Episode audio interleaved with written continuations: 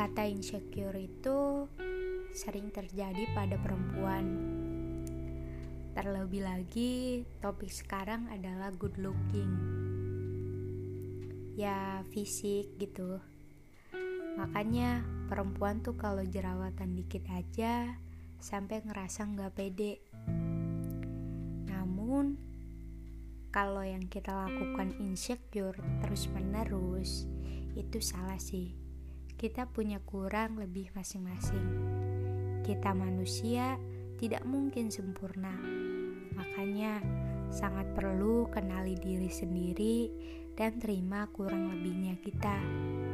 Insecure itu wajar, kalau terus-menerus itu nggak baik. Jadi diri sendiri aja gitu. Ketika kita mampu jadi diri sendiri, ketika kita mampu pahami diri sendiri, mampu mencintai diri kita sendiri, percayalah, kita nggak bakalan jadikan insecure itu jadi topik pembicaraan ke diri kita.